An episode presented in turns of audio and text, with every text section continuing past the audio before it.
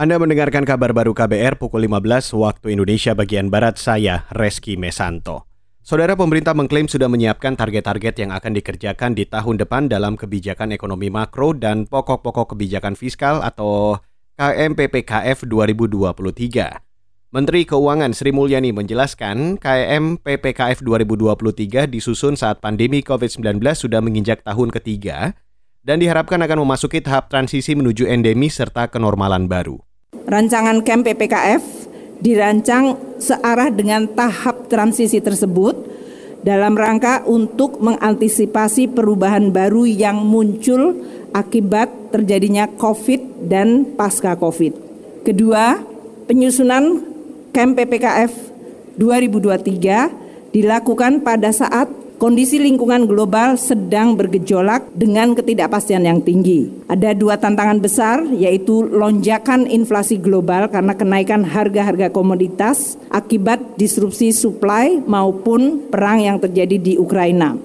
Menteri Keuangan Sri Mulyani menambahkan rancangan kebijakan ekonomi makro dan pokok-pokok kebijakan fiskal 2023 juga disusun pada saat adanya percepatan pengetatan kebijakan moneter global, khususnya di Amerika Serikat yang meningkatkan kenaikan suku bunga.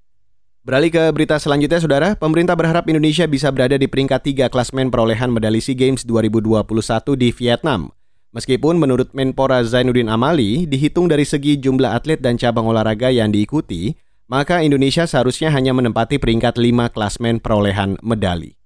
Kita sebenarnya urutannya itu nomor 5 ya. Jadi kalau dari jumlah itu kita posisinya jumlahnya itu nomor 5 tetapi dengan hasil yang kita uh, dapatkan ya mudah-mudahan di peringkat ketiga bisa bertahan ya. Karena kita masih ada uh, beberapa nomor-nomor pertandingan yang akan diikuti. Saya berharap ini akan maksimal. SEA Games itu hanya sasaran antara kita target utama kita adalah Olimpiade. Saudara itu tadi Menpora Zainuddin Amali. Sementara itu sejumlah atlet merah putih kembali meraih emas, di antaranya pebalap sepeda Ayustina Delia Priyatna dalam nomor Women's Road Individual Time Trial, lalu lifter senior Eko Yuli Irawan yang meraih emas angkat besi di kelas 61 kg putra.